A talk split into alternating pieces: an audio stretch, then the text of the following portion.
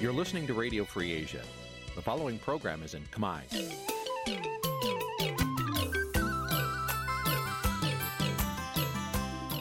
Nǐ ជាកម្មវិធីផ្សាយ Vuthu Azizi Serai នេះជាកម្មវិធីផ្សាយរបស់ Vuthu Azizi Serai ជាភាសាខ្មែរ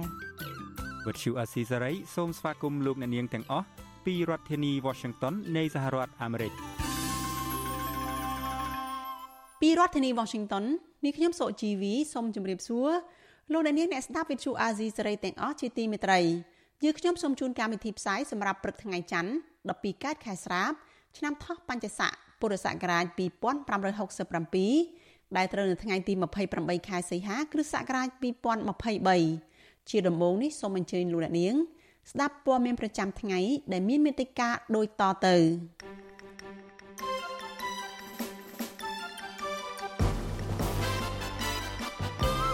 មន្ត្រីជាន់ខ្ពស់គណៈបកភ្លើងទៀនបន្តចុះជួបមន្ត្រីមូលដ្ឋានគណៈសកម្មជនមួយចំនួនរងការធ្វើទុកបុកម្នេញសកម្មជនបរិស្ថានរិះគន់រដ្ឋាភិបាលដែលកាត់ដីឧស្សាហជាតិបទុមសាគរទៅឲ្យអង្គញាគិតមេងមន្ត្រីបកប្រឆាំងរិះគន់ថាការតែងតាំងទីប្រឹក្សារដ្ឋាភិបាលច្រើនហួសហេតុជាការពង្រឹងអំពើពុករលួយព្រៃឈើជាច្រើនហិកតានៅឯដែនជំរកសត្វព្រៃស្រែពកខេត្តមណ្ឌលគិរីរងការលួចកាប់ រួមនឹងព័ត៌មានសំខាន់សំខាន់មួយចំនួនទៀតចាជាបន្តទៅទៀតនេះនាងខ្ញុំសុជីវីសូមជូនព័ត៌មានទាំងនេះពិស្ដាលោកអ្នកនាងកញ្ញាជាទីមេត្រីមន្ត្រីជាន់ខ្ពស់គណៈបកភ្លើងទៀនបន្តចុះជួបសកម្មជននៅតាមបណ្ដាខេត្តនានានិងដើម្បីលើកទឹកចិត្តដល់ពួកគេ បន្តប្រឹងប្រែងបម្រើប្រជាពលរដ្ឋនិងពង្រឹងសមត្ថភាព សម្រាប់ការបោះឆ្នោតអាណត្តិក្រោយ។ មន្ត្រីគណៈបកភ្លើងទៀនតាមមូលដ្ឋានបដិញ្ញាមិនបោះបង់គោលជំហរធ្វើនយោបាយបើទោះបីជារងការធ្វើទុកបុកម្នេញពីអាជ្ញាធរគណៈបកកាន់អំណាចចាលោកមានរិទ្ធមានសេចក្តីរាយការណ៍អំពីរឿងនេះមន្ត្រីជាន់ខ្ពស់គណៈបកភ្លើងទៀនលោករងឈុននិងលោកគឹមសួភិរិទ្ធនិងថ្នាក់ដឹកនាំគណៈបកផ្សេងទៀតនៅថ្ងៃទី27ខែសីហាបានបន្តចុះជួបសកម្មជននិងមន្ត្រីគណៈបកភ្លើងទៀនខេត្តបាត់ដំបងនិងខេត្តបន្ទាយមានជ័យប្រមាណ500នាក់ តាមកម្មវិធីចុះជួបពង្រឹងរចនាសម្ព័ន្ធវគ្គទី1ចំនួន10ខេត្តអនុប្រធានគណៈបកភ្លើងទៀនលោករងឈុនលើកឡើងថាថ្នាក់ដឹកនាំគណៈបកភ្លើងទៀនមានផែនការបន្តចុះជួបសកម្មជន និងក្រុមប្រឹក្សាគណៈបកភ្លើងទៀននៅតាមមូលដ្ឋានបើទោះបីជាការបោះឆ្នោតទើបបិទបញ្ចប់ទៅហើយយ៉ាងណាក្តី លោករងឈុនបន្តថាការចុះជួបសកម្មជននៅតាមមូលដ្ឋាននេះគឺដើម្បីលើកទឹកចិត្តដល់សកម្មជនសម្រាប់ការបោះឆ្នោតអាណត្តិក្រោយ និងដើម្បីពង្រឹងសមត្ថភាពដល់ក្រុមប្រឹក្សាគណៈបកនេះឲ្យបន្តយកចិត្តទុកដាក់និងបម្រើដល់ប្រជាពលរដ្ឋ ធម្មតាយើងត្រូវតែចុះជួបជាមួយសកម្មជនជាមួយគ្រប់គ្រងក៏ដូចជាថ្នាក់ដឹកនាំរបស់យើងនៅតាមខេត្តស្រុកក្រុមប្រឹក្សាឃុំសង្កាត់ក្នុងការពង្រឹងការលើកទឹកចិត្តដល់ពួកគាត់ហើយក៏ដូចជាការផ្ដល់ទឹកចិត្តដល់ពួកគាត់លោករងឈុននិងគណៈបកភ្លើងទៀននៅតែបន្តស្នើចុះបញ្ជីគណៈបកនយោបាយដែលរំពឹងថាគណៈបកភ្លើងទៀននឹងអាចចូលឈ្មោះការបោះឆ្នោតសម្រាប់អាណត្តិក្រោយ Visual C ស្រីមិនអាចសុំការឆ្លើយតបរឿងនេះ ពីអ្នកនាំពាក្យរដ្ឋាភិបាលលោកប៉ែនបូណាបាននៅឡើយទេ នៅថ្ងៃទី27ខែសីហា ប្រធានគណៈបកភ្លើងទៀនខេត្តបាត់ដំបងលោកភូសវណ្ណថាឲ្យដឹងថាការចុះជួបរបស់ថ្នាក់ដឹកនាំគណៈបកភ្លើងទៀនពិតជាមានសារៈសំខាន់នៅក្នុងការគ្រប់គ្រងដល់សកម្មជន និងក្រុមប្រឹក្សាឃុំសង្កាត់ជាប់ឆ្នោតដោយពួកគេអាចលើកឡើងពីទុកលំបាករបស់ពួកគាត់ដែលរងនឹងការធ្វើទុកបុកម្នេញនិងការរើសអើងពីសំណាក់គណៈបកកណ្ដាលអំណាចទាំងនៅមុនការបោះឆ្នោត និងក្រោយពេលបោះឆ្នោត លោកភូសវណ្ណថាបន្តថាក្នុងជំនួបជាមួយថ្នាក់ដឹកនាំគណៈបកសកម្មជននិងមន្ត្រីក្រុមប្រឹក្សាឃុំសង្កាត់បដិញ្ញាបន្តមិនលួចឧត្តមកតេទៅចោះចូលជាមួយគណៈបកកណ្ដាលអំណាចដែលអាចធ្វើឲ្យបាត់បង់ទំនុកចិត្តពីសំណាក់ម្ចាស់ឆ្នោតនោះទេបានតែទិញទិញពួកគាត់នឹងឲ្យចូលទៅរួមជាមួយគណៈបកកណ្ដាលអំណាចទី3នោះមានការបំផិនភ័យមួយចំនួនមុនដំណើរការការបោះឆ្នោតថ្ងៃទី23នេះអញ្ចឹងយើងជួបគ្នាថ្ងៃនេះដើម្បី ប្រាប់គាត់ហើយក៏ចង់បានបញ្ហាដែលពួកគាត់នៅមូលដ្ឋានហ្នឹងជួបប្រទេសរឿងអីខ្លះដើម្បីជ្រាបជូនដល់ថ្នាក់ដឹកនាំហើយថ្នាក់ដឹកនាំបានទៅយកណែនាំចំពោះឃុំមួយចំនួនដែលមានបញ្ហាបែបហ្នឹងដោយឡែកនាយកប្រតិបត្តិអង្គការឃ្លាំមើលការបោះឆ្នោតនៅកម្ពុជាហៅកាត់ថា Netflix លោកសំគុណធមីវិញលោកលើកឡើងថាគណៈបកនីមួយៗមានកម្មវិធីខុសៗគ្នាក្នុងការស្វែងរកសម្លេងគ្រប់គ្រងពីម្ចាស់ឆ្នោត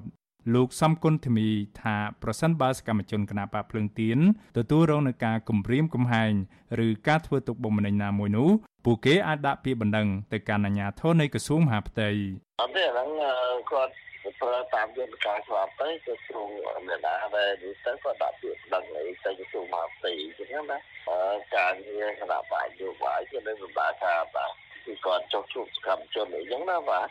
គិតត្រឹមរយៈពេល4ខែចុងក្រោយនេះយ៉ាងហោចណាស់មានសកម្មជនគណបកភ្លើងទៀនប្រមាណ15នាក់បានភៀសខ្លួនទៅប្រទេសថៃដើម្បីគេចចេញពីការធ្វើទុកបុកម្នេញពីសំណាក់អាជ្ញាធរកម្ពុជាក្រោយការបោះឆ្នោតថ្ងៃទី23ខែកក្កដាយ៉ាងហោចណាស់មានសកម្មជនគណបកភ្លើងទៀនចំនួន2រូបត្រូវបានអាជ្ញាធរចាប់ដាក់ពន្ធនាគារក្រោមបទចោទញុះញង់ខ្ញុំបានមេរិត Visual C ស្រី ពីរដ្ឋធានី Washington លោកអ្នកនាងកញ្ញាជាទីមេត្រីចាប់ព័ត៌មានតកតនឹងការតែងតាំងទីប្រឹក្សារបស់រដ្ឋាភិបាលវិញម្ដងជាមន្ត្រីជាន់ខ្ពស់គណៈបកប្រជារិះគន់ថា ការតែងតាំងទីប្រឹក្សារដ្ឋាភិបាលជិត400នាក់គឺជាការពង្រឹងអំពើពុករលួយជាប្រព័ន្ធរបស់គណៈបកកណ្ដាលអំណាចនិងបំផ្លាញថវិកាជាតិមន្ត្រីអង្គការសង្គមស៊ីវិលយល់ឃើញថា ការតែងតាំងទីប្រឹក្សារដ្ឋាភិបាលច្រើនពេកដូច្នេះមិនបានឆ្លុះបញ្ចាំងពីការកែតម្រង់និងការពង្រឹងអភិបាលកិច្ចរបស់យុទ្ធសាស្ត្រ បញ្ចកោណនោះឡើយចាលោកនៅវណ្ណរិន មានសេចក្តីរាយការណ៍អំពីរឿងនេះមន្ត្រីជាន់ខ្ពស់គណៈបកប្រឆាំងលើកឡើងថាការតែងតាំងទីប្រឹក្សារដ្ឋាភិបាលជិត400នាក់គឺជាការបំផ្លាញថវិកាជាតិដើម្បីភាពមានបានរបស់សមាជិកគណៈបកប្រជាជនកម្ពុជាជៀសជាងការលើកកម្ពស់ប្រសិទ្ធភាពការងាររបស់រដ្ឋាភិបាល អនុប្រធានគណៈបកសង្គ្រោះជាតិអ្នកស្រីមូសុកហួរប្រាប់វិទ្យុអាស៊ីសេរីនៅថ្ងៃទី27ខែសីហាថាការតែងតាំងទីប្រឹក្សារដ្ឋាភិបាលម្ដងរាប់រយនាក់ដូចនេះទំនងធ្វើឡើងក្នុងគោលបំណងផ្ដល់រង្វាន់ដល់សកម្មជនគណៈបកប្រជាជនកម្ពុជា ដែលបានឧបត្ថម្ភគណៈបកមួយនេះកាលពីមុនពេលបោះឆ្នោតជាជាងការតែងតាំងដោយសារតម្រូវការជាក់ស្ដែងអ្នកស្រីបន្ថែមថាក្រៅពីការទទួលបានប្រាក់ខែដោយមិនធ្វើការនោះ ទីប្រឹក្សារដ្ឋាភិបាលទាំងនោះក៏បានពង្រឹងអំពើពុករលួយជាប្រព័ន្ធដែលគ្រួសារត្រកូលហ៊ុនបង្កើតឡើងដើម្បីការពារអំណាចផ្ដាច់ការផ្ទាល់ខ្លួនផងដែរ។ហើយម្យ៉ាងទៀតអ្នកដែលទទួលតំណែងនោះជាអ្នកចូលរួមនៅក្នុងការបំផ្លាញជាតិបើសិនជាអ្នកនោះមានសម្បញ្ញៈមានការទទួលខុសត្រូវមានសមត្ថភាពមានគុណភាពនៅក្នុងការបម្រើជាតិអ្នកនោះមិនទទួលយកតំណែងនឹងទេ ប្រតិកម្មរបស់មន្ត្រីគណៈបកប្រឆាំងរូបនេះធ្វើឡើងបន្ទាប់ពីព្រះមហាក្សត្រព្រះបាទនរោត្តមសីហមុនីចេញព្រះរាជក្រឹត្យតែងតាំងទីប្រឹក្សារដ្ឋាភិបាលជិត400នាក់កាលពីថ្ងៃទី26ខែសីហាក្រៅពីទទួលបានងារជាឯកឧត្តមនិងលោកជំទាវហើយនោះទីប្រឹក្សារដ្ឋាភិបាលដែលមានឋានៈចាប់ពីអគ្គនាយករហូតដល់ឧបនាយករដ្ឋមន្ត្រីភាគច្រើនក៏ទទួលបានប្រាក់បំណាច់ប្រចាំខែផងដែរទន្ទឹមនឹងនេះ ថៅកែកាស៊ីណូ Naga World ដែលជាជនជាតិម៉ាឡេស៊ីលោកចិនលឹបកឹងហៅលោកតាន់ស្រី ដែលល្បីល្បាញខាងរំលោភសិទ្ធិកម្មករនិងប្តឹងសមាជិកសហជីព Naga World ដាក់ពន្ធនាគារផងនោះក៏ត្រូវបានតែងតាំងជាទីប្រឹក្សារដ្ឋាភិបាលរបស់លោកហ៊ុនម៉ាណែតផងដែរឆ្លើយតបនឹងបញ្ហានេះអ្នកនាំពាក្យគណៈបកប្រជាជនកម្ពុជាលោកសុកអេសានអះអាងថាការតែងតាំងទីប្រឹក្សារដ្ឋាភិបាល មិនមានអ្វីពាក់ព័ន្ធជាមួយសកម្មជនគណៈបកប្រជាជនកម្ពុជានោះឡើយ។គេសមាជិកមិនមែនក៏ប៉ុន្តែតែងតាំងនៅតាមស្ថាប័នរបស់រដ្ឋមិនមែនរបស់បកណាខ្ញុំគាត់ទៅឆ្លើយប៉ុណ្ណឹងព្រោះខ្ញុំអត់ได้ឆ្លើយបានទេព្រោះហ្នឹងវាកងលើទូនីតិភារកិច្ចរបស់អ្នកនាំពាក្យរាជរដ្ឋាភិបាល វិទ្យុអាស៊ីសេរីមិនអាចតាក់ទងប្រធានអង្គភិបអ្នកណែនាំពាក្យរដ្ឋាភិបាល លោកប៉ែនបូណាដើម្បីសុំការបកស្រាយជុំវិញរឿងនេះបានឡើយនៅថ្ងៃទី27ខែសីហាជុំវិញរឿងនេះដែរប្រធានមជ្ឈមណ្ឌលប្រជាពលរដ្ឋដើម្បីអភិវឌ្ឍនិងសន្តិភាពលោកយងកំឯងយល់ឃើញថាការតែងតាំងទីប្រឹក្សារដ្ឋាភិបាលចំនួនច្រើនដូចនេះមិនឆ្លុះបញ្ចាំងពីចំណុចស្នូលរបស់យុទ្ធសាស្ត្របញ្ញកោណ ដែលរដ្ឋាភិបាលថ្មីចង់លើកកម្ពស់ការកំណែទម្រង់និងពង្រឹងអភិបាលកិច្ចនោះទេលោកបន្ថែមថាទូនាទីទីប្រឹក្សារដ្ឋាភិបាល គឺជាតំណែងខ្ពង់ខ្ពស់ដូច្នេះរដ្ឋាភិបាល គួរជ្រើសរើសដោយពឹងផ្អែកទៅលើសមត្ថភាពពិតប្រាកដនិងតាមតម្រូវការងារជាក់ស្ដែងជាជាងការតែងតាំងទីប្រឹក្សាច្រើនប៉ុន្តែมันបានបំពេញការងារនោះ រឿងដែលសំខាន់ថាតើការដែលតែងតាំងពួកគាត់នៅក្នុងទូនីតិទាំងអស់ហ្នឹងថាតើគាត់បានប្រើប្រាស់ធ្វើជាប្រយោជន៍អីសម្រាប់សង្គមជាលក្ខទេឲ្យស័ក្តិសមទៅនឹងការដែលគាត់ទទួលបានប្រាក់ខែប្រចាំខែមួយមួយហ្នឹងតើគាត់ត្រូវបំពេញការងារអីដើម្បីឆ្លើយតបទៅនឹងពលរដ្ឋវិញបាទព្រោះដែលថាប្រាក់ខែគឺជាប្រាក់ខែរបស់ពលរដ្ឋគិតត្រឹមរយៈពេល2ថ្ងៃចុងក្រោយនេះព្រះមហាក្សត្របានតែងតាំងទីប្រឹក្សារដ្ឋាភិបាល និងជំនួយការនាយករដ្ឋមន្ត្រីសរុបជាង500នាក់ គណៈគណៈរដ្ឋមន្ត្រីនីតិកាលទី7មានមន្ត្រីជាន់ខ្ពស់រហូតទៅដល់ជាង1500នាក់មន្ត្រីគណៈបកប្រឆាំងលើកឡើងថាចំនួនគណៈរដ្ឋមន្ត្រីរាប់ពាន់នាក់ដែលទទួលប្រាក់ខែចាប់ពី500ដុល្លារទៅ2000ដុល្លារអាមេរិកទាំងនេះមិនត្រឹមតែជាការចំណាយថវិកាជាតិខ្ជះខ្ជាយប៉ុណ្ណោះទេប៉ុន្តែពួកគេនឹងស្ម័គ្រស្មោះគាំទ្រគណៈបកប្រជាជនកម្ពុជាដែរគណៈលោកហ៊ុនម៉ាណែតនឹងការពារពួកគេពីការប្រឈមផ្លូវច្បាប់ បើទោះបីជាមន្ត្រីជាន់ខ្ពស់ទាំងនោះប្រកបអាជីវកម្មខុសច្បាប់ឬអំពើពុករលួយយ៉ាងណាក៏ដោយខ្ញុំបាទនៅវណ្ណរិន with Chu Azizi Saray ពីរដ្ឋធានី Washington លោកអ្នកនាងប្រិយមិត្តជាទីមេត្រីលោកអ្នកកំពុងស្ដាប់វិទ្យុអាស៊ីសេរីចាប់ផ្សាយចេញពីរដ្ឋធានី Washington សហរដ្ឋអាមេរិកក្រុមសកម្មជនសង្គមនិងបរិស្ថានហាក់មិនមានជំនឿលើក្បាលម៉ាស៊ីនដឹកនាំថ្មីនៃក្រសួងបរិស្ថាននៅក្រោមការរៀបចំរបស់លោកហ៊ុនសែននោះឡើយ ពួកគេយល់ឃើញថារ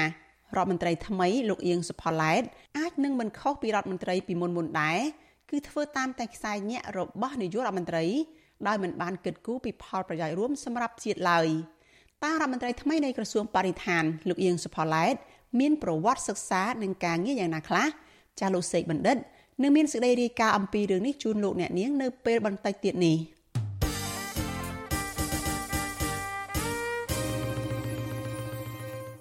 លោកនាងកញ្ញាជាទីមេត្រីសេចក្តីរាយការណ៍ពីប្រទេសថៃឯណោះឲ្យដឹងថាមន្ត្រីស្ថានទូតខ្មែរម្នាក់បានប្រឡយសារនៅលើ Facebook ដោយគម្រាមឲ្យបាក់ពួកចាប់សកម្មជនគណបកប្រឆាំងដែលភៀសខ្លួននៅប្រទេសថៃសកម្មជនគណបកប្រឆាំងចាត់ទុកការដាក់សារនេះគឺជាការគម្រាមកំហែងផ្នែកនយោបាយខណៈដែលអាជ្ញាធរនៅក្នុងប្រទេសកម្ពុជានិងថៃសហការគ្នាធ្វើទុកបុកម្នេញនិងបង្ក្រាបចំពោះជនភៀសខ្លួននយោបាយជាបន្តបន្ទាប់ មន្ត្រីសិទ្ធិមនុស្សក៏ជំរុញរដ្ឋាភិបាលថ្មីបញ្ឈប់ការបំផិតបំភ័យលើសកម្មជនបកប្រឆាំងហើយងាកទៅដោះស្រាយបញ្ហានយោបាយឡើងវិញប្រធានអនុព័ន្ធការងារអមស្ថានទូតកម្ពុជាប្រចាំប្រទេសថៃគឺលោកឈឹមវិបុលដែលល្បីខាងដើរអូសទាញកម្មករឲ្យចូលបម្រើគណៈបកប្រជាជនកម្ពុជានិងគម្រាមកំហែងទៅលើសកម្មជនគណៈបកប្រឆាំងនាពេលកន្លងទៅ បានអស់ហោះសារបញ្ឆិតបញ្ឈៀងអមដែលរូបថតពីសញ្ញាបង្ហោះលើគណនី Facebook ឈ្មោះឈឹមវិបុលរិទ្ធ នៅថ្ងៃទី26ខែសីហាលោកអះអាងថាលោកជជែកជាមួយនឹងលោកអុកញ៉ាលេងប្រុសតើមានកូនកណ្ដុរនៅកន្លែងណាទៀតដើម្បីដាក់ឆ្មាបន្ថែមបើទោះបីជាសាររបស់មន្ត្រីអនុព័ន្ធការងាររូបនេះប្រៀបធៀបសត្វឆ្មាចាប់កណ្ដុរទៅដល់សម្បុកដោយប្រយោលយ៉ាងណាក្តីក៏សកម្មជននិងអ្នកគាំទ្រគណៈបកប្រឆាំងយល់ថាសាររបស់លោកឈឹមវិបុលជាការគំរាមអំពីសវត្ថភាពរបស់ពួកគេ ដែលតែងតែរិះគន់ការដឹកនាំរដ្ឋាភិបាលរបស់លោកហ៊ុនម៉ាណែតសកម្មជនគណៈបកភ្លឹងទៀនដែលកំពុងភៀសខ្លួននៅប្រទេសថៃលោកផនផាណាថ្លែងថាខ្លឹមសារនោះជាភ័ស្តុតាងបង្ហាញកាន់តែច្បាស់បន្ថែមទៀតថាជនមិនស្គាល់មុខវាឆ្មក់ធ្វើបាបពួកលោករួមទាំងសកម្មជនមួយចំនួនបណ្ដាលឲ្យរបួសកាលពីពេលថ្មីថ្មីនេះគឺជាការគម្រាមកំហែងផ្នែកនយោបាយពីសំណាក់ក្រុមអ្នកកាន់អំណាចលោកឲ្យដឹងថា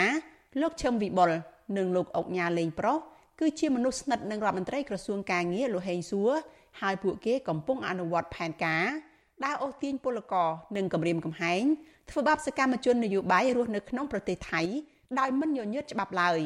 សារគម្រាមកំហែងដើម្បីបំផិតបំភ័យកុំឲ្យពួកយើងនឹងធ្វើសកម្មឆាំង រដ្ឋាភិបាលកម្មជនដែលរស់នៅប្រទេសថៃដូចជាទាំងជនភៀសខ្លួនទាំងពលករដែលគាត់ចូលរួមតស៊ូមតិប្រឆាំងរដ្ឋាភិបាលហ្នឹងហើយគេចង់បង្ហាញថាទោះបីជាគេប្រើអំពើហិង្សាឬក៏មកចាប់ខ្ញុំចាប់សកម្មជនដទៃទៀតនៅប្រទេសថៃក៏គ្មាននរណាអាចធ្វើអីគេបានដែរអញ្ចឹងសារនេះវាក៏ក្លឿនពេកថាគេនឹងមានអធិបុលគ្រប់កន្លែងទោះបីនៅប្រទេសថៃគេចង់ធ្វើអ្វីបានតាមអំពើចិត្តណា ស្រដៀងគ្នានេះដែរតំណាងពលរដ្ឋដែលគ្រប់គ្រងគណៈបកភ្លើងទៀនប្រចាំប្រទេសថៃលោកឆនសុខឿនលើកឡើងថាក្រុមបកពួកលោកហេងសួរបានបញ្ជ្រាបខ្លួនចូលទៅក្នុងក្រុមពលករនិងប្រើក្រុមដៃដល់ដែលពួកគេប្រដូចទៅនឹងសัตว์ឆ្មានោះឲ្យដើរគម្រាមកំហែងលើអ្នកមានទស្សនៈផ្ទុយនឹងរដ្ឋាភិបាល នៅក្នុងប្រទេសថៃដើម្បីទប់ស្កាត់សកម្មភាព និងបង្ក្រាបឥទ្ធិពលគណៈបកប្រឆាំងលើពលករខ្មែរលោកឆនសុខឿនអះអាងថាកន្លងមកលោកឈឹមវិបុល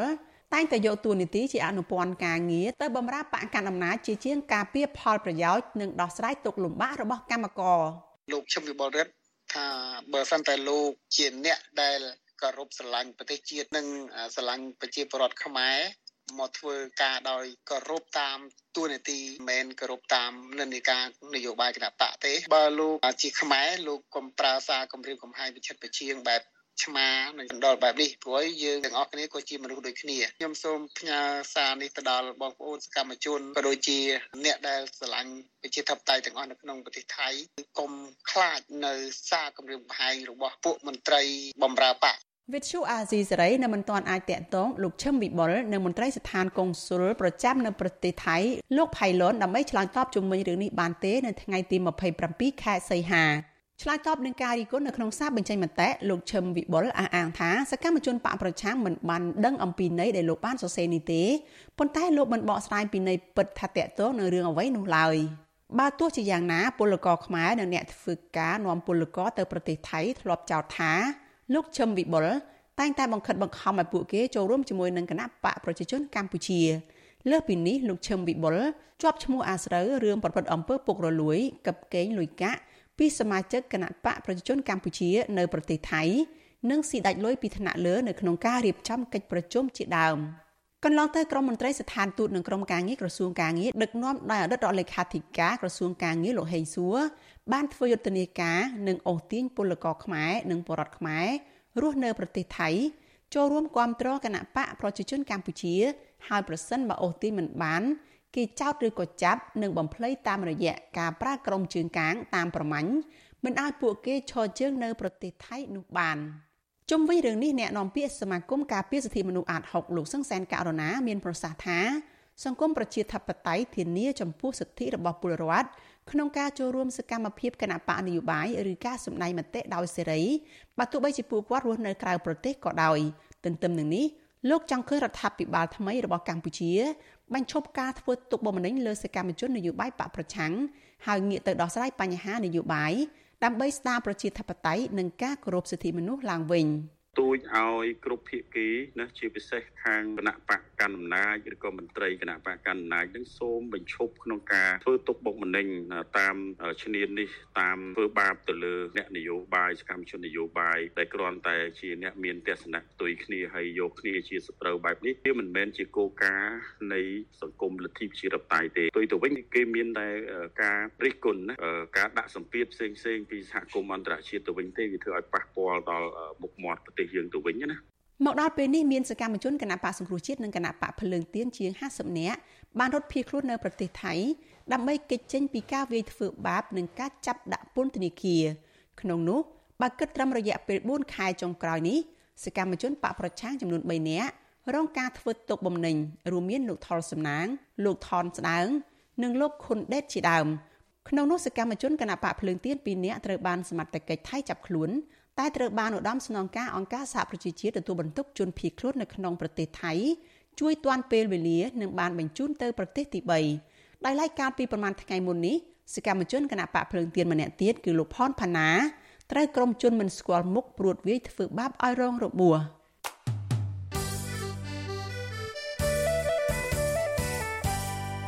ណាយលោកនាងកញ្ញាជាទីមេត្រីជាព័ត៌មានតកតនៅរឿងក្តីក្តាំនៅតុលាការចាចំពោះករណីរំដោះអ្នកទោសគ្រឿងញៀនវិញម្ដង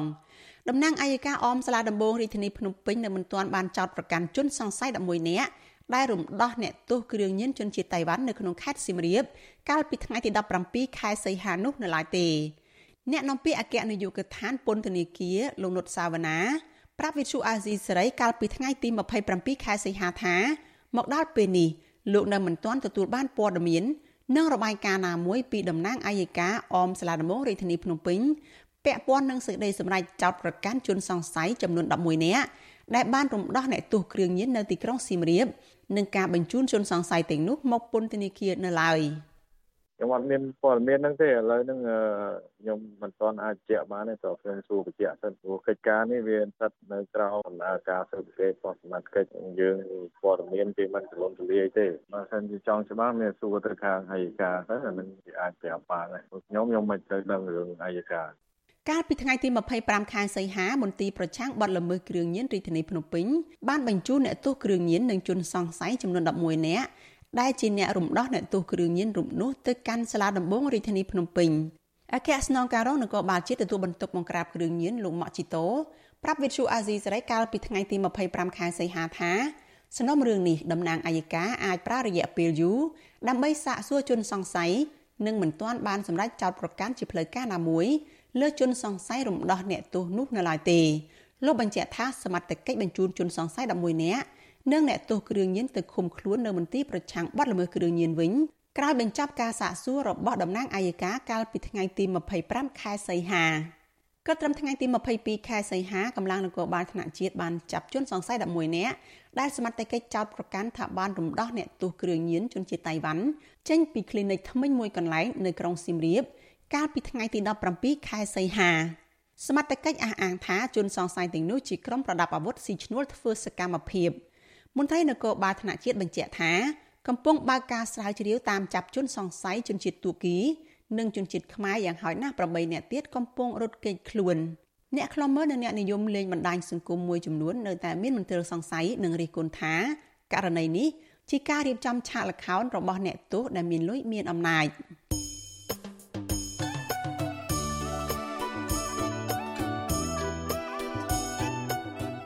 លោកអ្នកនាងជាទីមេត្រីដំណើរគ្នានឹងស្ដាប់ការផ្សាយវិទ្យុអាស៊ីសេរីតាមបណ្ដាញសង្គម Facebook YouTube និង Telegram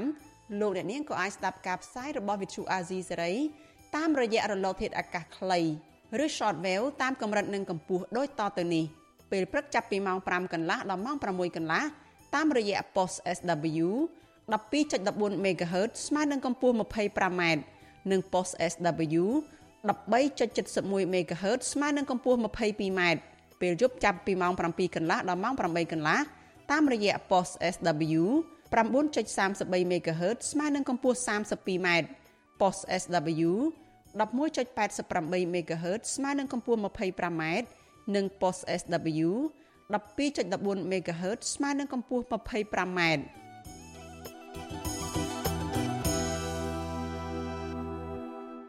ចលនានាងជាទីមេត្រីចាប់ព័ត៌មានតកតនឹងអសន្តិសុខសង្គមវិញម្ដង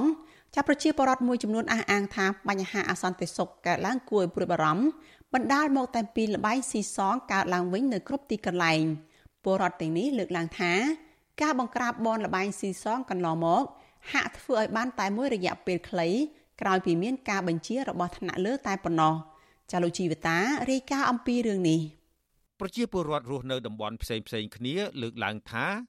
លបែងស៊ីសងគ្រប់ប្រភេទពិសេសលបែងជុលមន់និងលូតូតាមអនឡាញកំពុងកើតមានឡើងយ៉ាងបើកចំហពលរដ្ឋម្នាក់រស់នៅក្នុងក្រុងសំពៅលូនខេត្តកណ្ដាលលោកស្រី GP ប្រាប់វិទ្យុអាស៊ីសេរីនៅថ្ងៃទី27សីហាថាលបែងស៊ីសងនៅតំបន់លោកស្រីទាំងលេងផ្ទាល់និងលេងតាមអនឡាញកើតមានច្រើនដោយបើកចំហ លោកស្រីថាលបែងបានធ្វើឲ្យពលរដ្ឋមិនមានពេលធ្វើការបំផ្លាញលុយផ្ទះនិងកើតមានអំពើហិង្សាក្នុងគ្រួសារលោកស្រី GP ឲ្យដឹងថាក្នុងចំណោមអ្នកភូមិជាច្រើនដែលរងគ្រោះដោយសារលបែងនោះគឺក្មួយលោកស្រីម្នាក់ក៏កំពុងស្ថិតនៅក្នុងស្ថានភាពញៀនលបែងធ្ងន់ធ្ងរដែរ លក់ដីលក់ភ្លីលេងយ៉ាងក្មួយខ្ញុំមិនស្អីក៏លួចទេលេងអស់តែតម៉ែខ្លាយកអីលួចទៅលេងហើយជ្រៀតស្ដាប់នោះវាងប់វេទៅស្អីប៉ុន្តែលេងឡូតូដូចគេមើលឃើញ100000 20000ដូចម៉ែជាបោះពុំពលរដ្ឋម្នាក់ទៀតរស់នៅក្នុងរាជធានីភ្នំពេញគឺលោកនួនណានថ្លែងថា លោកអាណិតពលរដ្ឋនិងសង្គមជាតិព្រោះសេដ្ឋកិច្ចកំពុងលំបាកហើយត្រូវលបាយស៊ីសងធ្វើឲ្យចលាចលថែមទៀតលោកបន្តថា ពលរដ្ឋជាច្រើនកន្លែងកំពុងផ្ញើវាសនានឹងលបាយស៊ីសងអន្តរាយទាំងគ្រួសារអន្តរាយទាំងសង្គមម្នាក់ម្នាក់ហ្នឹងបួកតែហ្នឹងទៅវាធ្វើឲ្យរងផលប៉ះពាល់អីខ្លះយើងទីមួយក្នុងគ្រួសារគ្រួសារយើងមានអំពើហិង្សាកើតឡើងផលប៉ះពាល់ខ្លាំងបំផុតគឺយើងមានរបស់អីប្រចាំហ្នឹងណាអាជីវករម្នាក់នៅក្នុងក្រុងតាខ្មៅខេត្តកណ្ដាលគឺលោកឈៀងស៊ីណាតលើកឡើងថាលបាយស៊ីសងនៅក្នុងតំបន់លោកកើតឡើងច្រើន ហើយបទល្មើសចោលលួចចោលឆក់និងចោលប្លន់ក៏កើតមានច្រើនដែរលបាយស៊ីសងកំពុងបើកផុសផុលនៅគ្រប់ទីកន្លែង ទាំងក្នុងរាជធានីភ្នំពេញ ទាំងនៅតាមបណ្ដាខេត្តនោះគឺបើកនៅតាមហាងកាហ្វេនិងផ្ទះលក់ម្ហូបអាហារកន្លែងទាំងនោះអ្នកលេងនៅជុំគ្នា ហើយក៏ហូរកញ្ជ្រៀវពេលលទ្ធផលចេញម្ដងម្ដង ពេលខ្លះក៏មានអំពើហិង្សា នៅកន្លែងលេងនោះដែរជុំវិញរឿងនេះ ប្រធានមជ្ឈមណ្ឌលប្រជាពលរដ្ឋដើម្បីអភិវឌ្ឍនិងសន្តិភាព លោកយងកំឯងចាត់ទុកលបែងស៊ីសងជាជំងឺធំមួយនៅក្នុងសង្គមដែលអាជ្ញាធរបង្ក្រាបបានតែមួយឆាវមួយឆាវលោកជំរុញឲ្យសមត្ថកិច្ចចុះបង្ក្រាបឲ្យចំគោលដៅនិងធ្វើជាប្រចាំទើបមានប្រសិទ្ធភាពវិទ្យុអាស៊ីសេរីមិនអាចតាក់ទងแนะនាំពាក្យក្រសួងមហាផ្ទៃលោកខៀវសុភ័ក្រដើម្បីសាកសួរជុំវិញបញ្ហានេះបានទេ នៅថ្ងៃទី27សីហា កាលពីចុងឆ្នាំ2022អតីតនាយករដ្ឋមន្ត្រីលោកហ៊ុនសែនបានបញ្ជាឲ្យបង្ក្រាបបនលបែងស៊ីសងខុសច្បាប់ដោយលោកចេញបញ្ជាថាបើមន្ត្រីណាមិនយកចិត្តទុកដាក់នឹងត្រូវដកចេញពីតំណែងខ្ញុំមិនស្ទាក់ស្ទើរជាមួយនឹងការដកចេញពីមុខតំណែងនៅអភិបាលខេត្តឬរាជធានីអភិបាលស្រុកខណ្ឌក្រុង ឬមន្ត្រីនគរបាលថ្នាក់ណាក៏ដោយ ដែលរកឃើញថាមិនទទួលខុសត្រូវលើមុខងាររបស់ខ្លួន យើងមិនអាចបដ ாய் ឲ្យសភាពការបកឡើងបែបអាណាធិបតេយ្យក្នុងបនលបែងតទៅទៀតទេត្រូវតែមើងម៉ាត់ត្រូវតែដាច់ខាតសម្រាប់លោកនូណានលោកចាត់ទុកសម្ដីថ្នាក់ដឹកនាំថ្លែងពីការបង្ក្រាបបនលបែងកន្លងទៅ ថាដូចជាការជះទឹកលើក្បាលទាព្រោះអាញាធរពពាន់មិនយកចិត្តទុកដាក់អនុវត្តឲ្យមានប្រសិទ្ធភាពនោះទេ ប្រជាពលរដ្ឋនិងអង្គការសង្គមស៊ីវិលរកឃើញថាលបែងស៊ីសងទាំងនេះបង្កឲ្យមានអំពើចោរកម្មនិងអំពើហិង្សានៅក្នុងគ្រួសារខ្ញុំជីវិតាអាស៊ីសេរីលោកអ្នកនាងកញ្ញាជាទីមេត្រីចាតតងនឹងកម្មវិធី podcast របស់ Vithu Azizi សេរីកម្ពុជាសប្តាហ៍នេះវិញម្ដង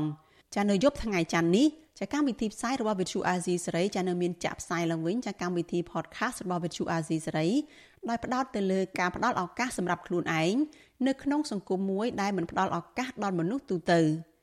ចានៅក្នុងកម្មវិធី podcast របស់ Vithu Azizi សេរីនេះចាលោកសំពូលីនិងលោកជុនច័ន្ទបុតនឹងជជែកពីបញ្ហាតាក់ទងថានៅក្នុងឱកាសដែលរដ្ឋាភិបាលផ្ដល់ឱកាសឲ្យតែសាច់ញាតិសាច់សាលោហិតរបស់ខ្លួនតើយុវជនគួរធ្វើបែបណា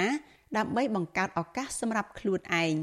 ចាសសូមអញ្ជើញលោកនាងរងចាំតាមដានការចាក់ផ្សាយឡើងវិញកម្មវិធី podcast របស់ Vithu Azizi សេរីចាស់កម្ពុជាសប្តាហ៍នេះ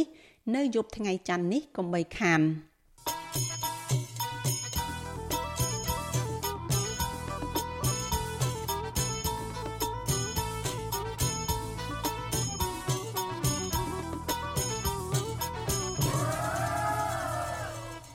លោកនាងកញ្ញាប្រិមិត្តអ្នកស្ដាប់ជាទីមេត្រីសេចក្តីរាយការណ៍ពីខេត្តមណ្ឌលគិរីឯណោះឲ្យដឹងថា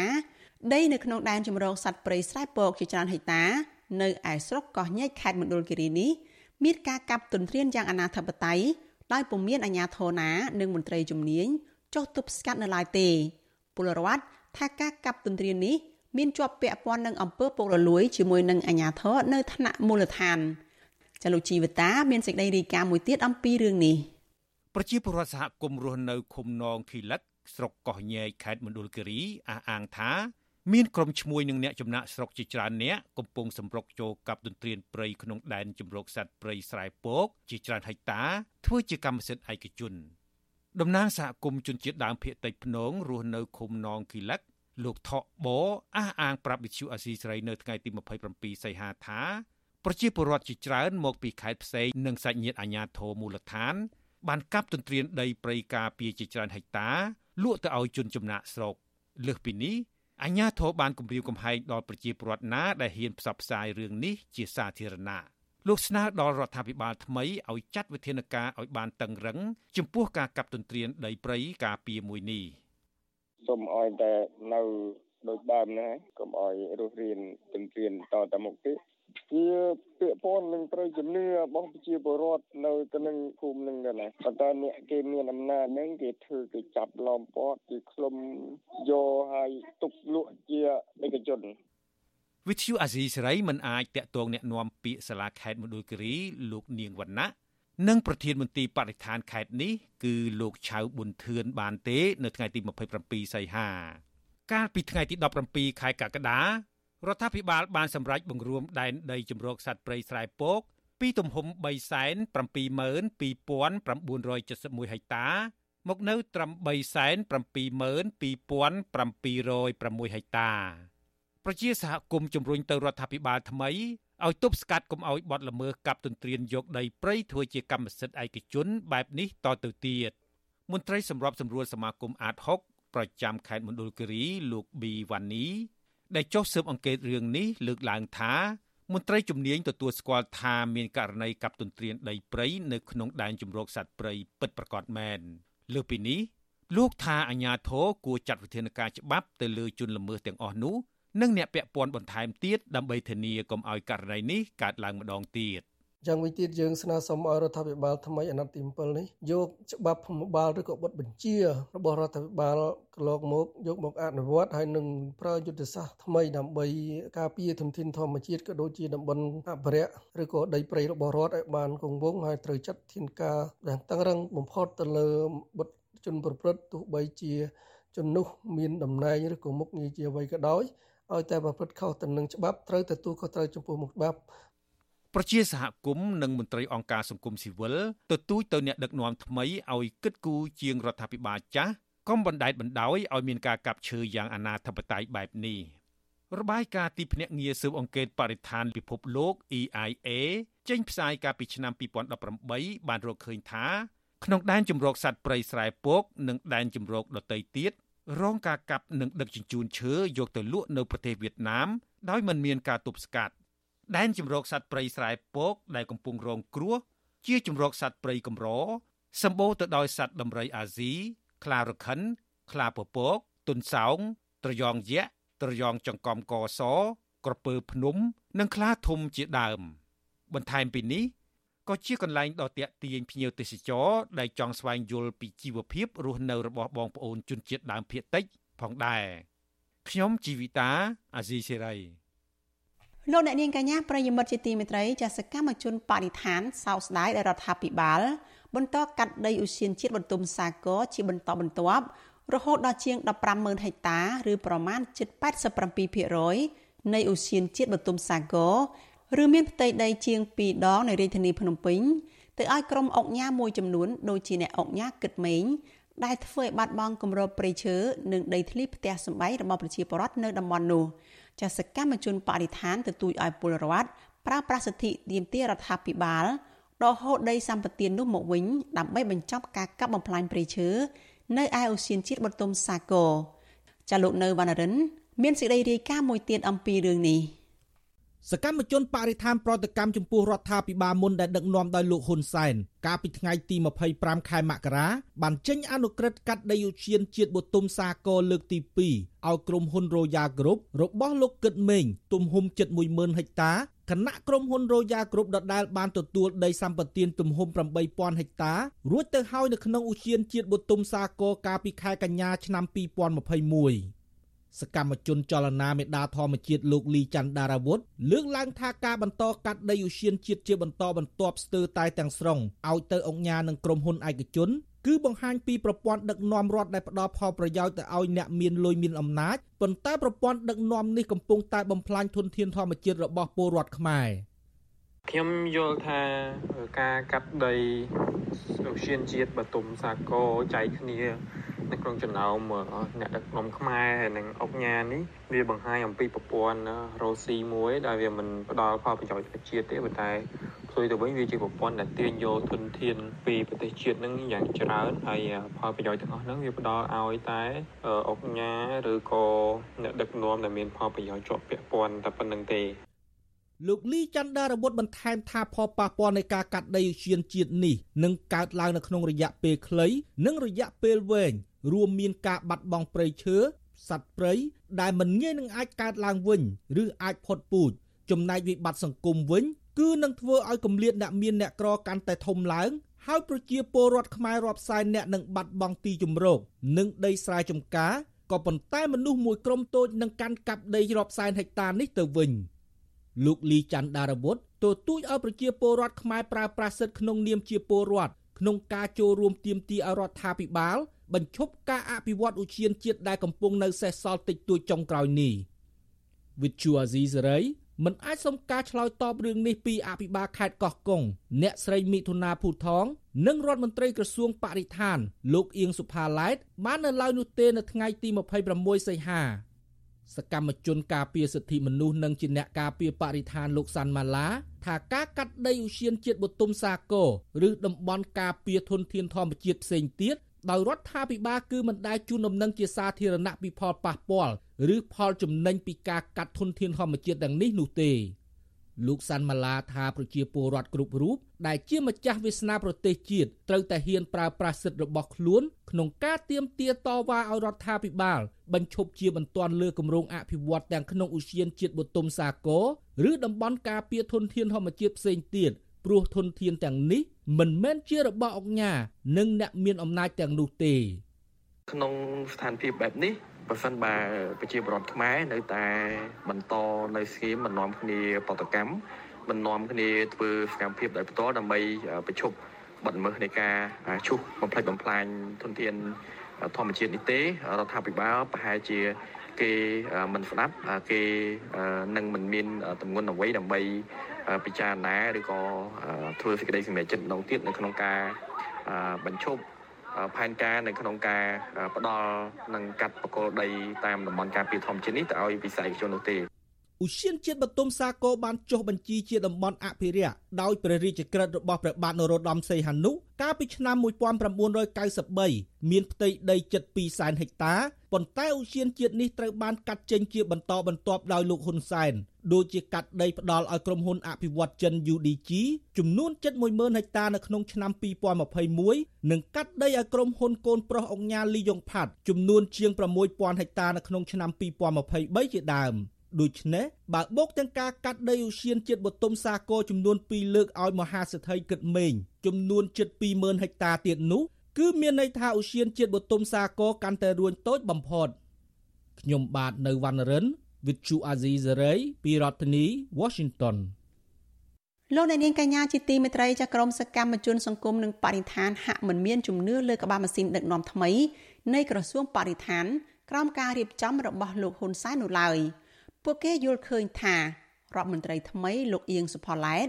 អាចមិនខុសគ្នាពីរដ្ឋមន្ត្រីមុនមុនដែរគឺធ្វើការតាមតែខ្សែញាក់របស់នាយករដ្ឋមន្ត្រីដែលមិនគិតគូរពីផលប្រយោជន៍សម្រាប់ជាតិឡើយតើរដ្ឋមន្ត្រីថ្មីនៃក្រសួងបរិស្ថានលោកអៀងសុផល្លែតមានប្រវត្តិសិក្សានិងជីវិតការងារយ៉ាងណាខ្លះចាលោកសេកបណ្ឌិត មានសេចក្តីរាយការណ៍អំពីរឿងនេះជូនលោកអ្នកនាងដូចតទៅលោកអៀងសុផល្លែត ក្នុងរយៈពេល26ឆ្នាំនៃការចូលប្រឡូកការងារសង្គមនិងនយោបាយជាមួយនឹងរដ្ឋាភិបាលលហ៊ុនសែននិងគណៈបកប្រជាជនកម្ពុជានោះលោកបានផ្លាស់ប្ដូរមុខតំណែង នៅតាមក្រសួងនានាជាច្រើនគួរសមមុខតំណែងរបស់លោកមួយដែលនៅបានជាប់លាប់និងបានយូរជាងគេនោះ គឺតំណែងជំនួយការ និងជាទីប្រឹក្សាផ្ទាល់របស់លោកនាយករដ្ឋមន្ត្រីហ៊ុនសែនដែលក្នុងនោះលោកដើរតួនាទីជាអ្នកនាំពាក្យ នៅក្រៅមានកិច្ចប្រជុំសំខាន់សំខាន់ជាមួយនឹងភាគីអន្តរជាតិដែលមានលោកនាយករដ្ឋមន្ត្រីហ៊ុនសែនចូលរួមតាំងពីអំឡុងឆ្នាំ1997មកលោកអៀងសុផល្លែតមានដើមកំណើតនៅក្នុងស្រុករកាខ្នុលខេត្តកំពង់ចាម ក្នុងគ្រួសារមួយមានបងប្អូន5នាក់និងមានឪពុកជាគ្រូបង្រៀនលោកកើតនៅឆ្នាំ1966គិតមកដល់ឆ្នាំ2023លោកមានអាយុ57ឆ្នាំហើយ។ អ្នកសារព័ត៌មានជាច្រើន បានស្គាល់លោក នៅក្នុងឱកាសដែលលោកផ្ដល់បទសម្ភាសជាមួយអ្នកសារព័ត៌មាន ស្ដីពីលទ្ធផលក្រោយកិច្ចប្រជុំនីមួយៗដែលមានលោកនាយករដ្ឋមន្ត្រីចូលរួមប្រជុំក៏ប៉ុន្តែពេលផ្ដល់បទសម្ភាសម្ដងម្ដង លោកហាក់មិនហ៊ានប្រាប់អ្នកកាសែតលំអិតឲ្យស៊ីជម្រៅនោះឡើយដោយលោកបង្ហាញតែចំណុចវិជ្ជមានប៉ុណ្ណោះនិងហាក់មានការកំណត់ព្រំដែនពីផ្ទៃក្នុងការងាររួចជាស្រេចថាត្រូវនិយាយឲ្យអ្នកខាងក្រៅកិច្ចប្រជុំ ឬអ្នកសារព័ត៌មានដឹងត្រឹមប៉ុណ្ណាហើយបើទោះបីជាអ្នកកសែតប្រឹងឆ្លិចសួររកដំណឹងក្តៅក្តៅស៊ីជម្រៅលើសពីអ្វីដែលលោកបានប្រាប់រួចហើយនោះក៏មិនបានផលឡើយដោយលោកព្យាយាមមិនឆ្លើយចំសំណួររបស់អ្នកកសែតឬបងវែងដានទៅរកចម្លើយចាស់ដដែលដដែលទំនងជាផ្ដើមចេញពីការងារនេះនឹងមានឪពុកក្មេកជាមន្ត្រីជាន់ខ្ពស់ក្នុងជួររដ្ឋាភិបាលផងក៏មិនដឹងដែលធ្វើឲ្យលោកមានរិស័យខ្ពស់ ទទួលបានមុខតំណែងធំ នៅតាមក្រសួងស្ថាប័នផ្សេងផ្សេងនៅក្នុងជួររដ្ឋាភិបាលនឹងមានការផ្លាស់ប្ដូរក្រសួងជាញឹកញាប់ដូចជានៅឆ្នាំ2011លោកបានបំពេញការងារជាអនុរដ្ឋលេខាធិការក្រសួងសាធារណការនិងដឹកជញ្ជូនឆ្នាំ2013លោកបានបដូរការងារទៅកាន់តំណែងជាអនុរដ្ឋលេខាធិការក្រសួងកសិកម្មរុក្ខាប្រមាញ់និងនេសាទលោកអៀងសុផល្លែតបានផ្ដល់បទសម្ភាស ដល់សារព័ត៌មានអនឡាញក្នុងស្រុកមួយថាលោកបានធ្វើការងារនៅក្រសួងកសិកម្មនេះបានប្រមាណ2ឆ្នាំកន្លះក្នុងរយៈពេលនោះលោកថាលោកបានចងក្រងសិភៅអំពីពូជដំណាំកសិកម្មនិងរបៀបនៃការដាំដុះនិងការចិញ្ចឹមសត្វមួយចំនួន តែមិនទាន់បានចប់ចុងចប់ដើមផងលោកក៏ត្រូវបានផ្លាស់ប្ដូរទៅក្រសួងផ្សេងមួយទៀតនៅអំឡុងឆ្នាំ2016 ហើយក្នុងដំណើរការនេះធ្វើការនៅក្រសួងនោះខ្ញុំបានសង្កេតឃើញថាប្រជាកសិករយើង គឺកំពុងតែត្រូវការនៅចំណេះដឹងពាក់ព័ន្ធនឹងបច្ចេកទេសធ្វើការដាំដុះដំណាំកសិកម្មនេះក្នុងអំឡុងឆ្នាំ2016ដដែលនោះលោកក៏ផ្លាស់ប្ដូរទៅកាន់ក្រសួងបរិស្ថាន ក្នុងមុខតំណែងដំបូងជាអនុរដ្ឋលេខាធិការហើយជាបន្តបន្តមកទៀតនៅម្ដុំឆ្នាំ2018លោកបានឡើងឋានៈជារដ្ឋលេខាធិការ រហូតក្លាយជារដ្ឋមន្ត្រី នៅក្រសួងនេះតែម្ដង នៅឆ្នាំ2023គឺនៅក្រៅការបោះឆ្នោតជ្រើសតាំងតំណាងរាស្ត្រអាណត្តិទី7តាក់ទងនឹងការឡើងឋានៈរបស់លោកអៀងសុផល្លែតជារដ្ឋមន្ត្រីក្រសួងបរិស្ថាននេះក្រមសកម្មជនសង្គមនិងបរិស្ថាន ហាក់មិនមានជំនឿទៅលើក្បាលម៉ាស៊ីនដឹកនាំថ្មី នៃក្រសួងបរិស្ថាន ក្រោមការរៀបចំរបស់លោកហ៊ុនសែននោះឡើយពួកគេយល់ឃើញថា រដ្ឋមន្ត្រីថ្មីលោកអៀងសផល្លែតអាចមិនខុសពីរដ្ឋមន្ត្រីមុនមុននោះទេ គឺធ្វើការតាមខ្សែញាក់របស់នាយករដ្ឋមន្ត្រី ដោយមិនគិតពីផលប្រយោជន៍ជាតិជាធំនោះឡើយមន្ត្រីកម្មវិធីស្រាវជ្រាវនិងតស៊ូមតិនៃសមាគមបណ្ដាញយុវជនកម្ពុជា លោកហេងកឹមហុងនិយាយថា បើនាយករដ្ឋមន្ត្រី មិនផ្ទេរការសម្រេចចិត្តនិងមិនប្រគល់ការទទួលខុសត្រូវមកឲ្យរដ្ឋមន្ត្រីធ្វើការតាមជំនាញពិតប្រាកដនោះទេ ទោះជាត្រូវបដូររដ្ឋមន្ត្រីថ្មីប្រមាណដងទៀតក៏គ្មានអ្វីប្រែប្រួលដែររដ្ឋមន្ត្រីថ្មីក៏ដោយលោកឡើងមកឲ្យលោកអត់បាត់បានកំណត់ទិសដៅការងារអតិភិបនៅក្នុងវិស័យការងាររបស់ខ្លួនទេហើយហាក់បីដូចជាឡើងមកគ្រាន់តែបំពេញនៅទួលនីតិស្របតាមតួអង្គដែលមានការចាត់ចែងឬក៏ផ្ដល់ឲ្យខ្ញុំគិតថាអនាគតធនធានធម្មជាតិនិងវិស័យបរិស្ថាននៅកម្ពុជានឹងនៅតែជួបនៅគ្រោះថ្នាក់ហើយ នឹងតែធ្វើឲ្យមហាជនអស់សង្ឃឹមដោយកាលពីអាណត្តិនយោបាយមុនលោកអៀងសុផល្លែតជាបញ្ញវន្តមួយរូបដែលបានសិក្សាពីប្រទេសលោកសេរី ក្នុងអំឡុងពេលកម្ពុជាទើបរួចផុតពីរបបខ្មែរក្រហមក្រោយឆ្នាំ1979មានពលរដ្ឋជាច្រើនបានភៀសខ្លួនចេញទៅក្រៅប្រទេស ជាពិសេសនាំគ្នាទៅរស់នៅរៀនសូត្រនៅជំរំជនភៀសខ្លួនតាមព្រំដែនក្នុងទឹកដីថៃដើម្បីគេចចេញពីសង្គ្រាម និងអ្នកខ្លះមានបំណងចាក់ចេញឆ្ពោះទៅកាន់ប្រទេសទី3ក្នុងនោះក៏មានលោកអៀងសផលឡែតដែរលោកអៀងសផលឡែតបានភៀសខ្លួនចេញពីកម្ពុជាទៅរស់នៅជំរំជនភៀសខ្លួនខៅអ៊ីដាងក្នុងទឹកដីប្រទេសថៃនាចុងឆ្នាំ1982ទីនោះហើយដែលលោកបានសិក្សាភាសាបរទេសសិក្សាអំពីឱសថបុរាណនិងការងាររៀនសូត្របន្ទាប់បន្សំផ្សេងផ្សេងទៀតលោកអៀងសុផល្លែតបានផ្ដល់បទសម្ភាស ឲ្យសារព័ត៌មានអនឡាញក្នុងស្រុកមួយថា ក្នុងពេលនោះលោកមានឱកាសធ្វើការងារជាមួយនឹងអង្គការសហប្រជាជាតិនៅក្នុងជំរំនោះមួយរយៈពេលខ្លីដែរមុននឹងលោកចាក់ចេញទៅរស់នៅប្រទេសកាណាដានៅចុងឆ្នាំ1984លោកបញ្ជាក់ថាទាំងនេះគឺជាសុបិននិងជាក្តីប្រាថ្នារបស់លោកតាំងពីដើមមក នៅពេលទៅដល់ប្រទេសកាណាដាលោកបានចូលសិក្សានៅវិទ្យាល័យមួយឈ្មោះ Victoria Composite អំឡុងឆ្នាំ1985ដល់ឆ្នាំ1989បន្តបន្តមកទៀតលោកក៏បានចូលសិក្សានៅសាកលវិទ្យាល័យកាល់ការីប្រទេសកាណាដា រហូតទទួលបានសញ្ញាបត្រវិទ្យាសាស្ត្រផ្នែកវិស្វករនៅចន្លោះឆ្នាំ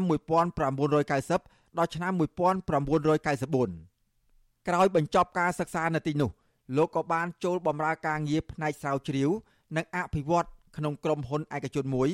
បានរយៈពេលជាង1ឆ្នាំ នៅខេត្ត Edmonton Alberta ក្នុងប្រទេសកាណាដាពេលវិលមកកម្ពុជាវិញ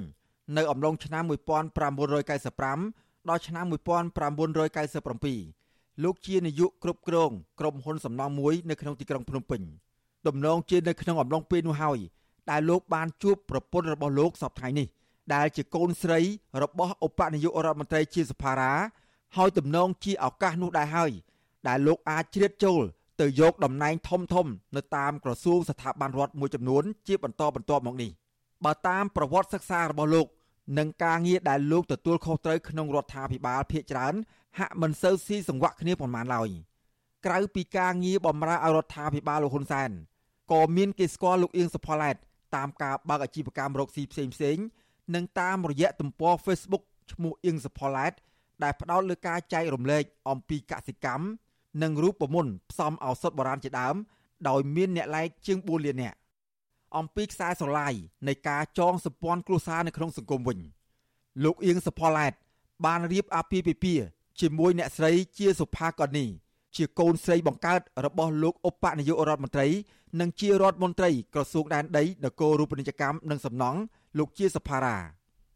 អ្នកស្រីជាសុផាកនីបានរៀនសូត្របញ្ចប់ថ្នាក់អនុបណ្ឌិតផ្នែកច្បាប់ អ្នកស្រីក៏ជាប្រធានក្រុមប្រឹក្សាភិបាលនិងជាម្ចាស់សាលារៀនអន្តរជាតិ Paragon និងសាកលវិទ្យាល័យអន្តរជាតិ Paragon ជាមួយគ្នានេះអ្នកស្រីក៏ប្រកបវិជ្ជាជីវៈជាមេធាវីផងដែរអ្នកទាំងពីរមានកូន3នាក់ប្រុស1ស្រី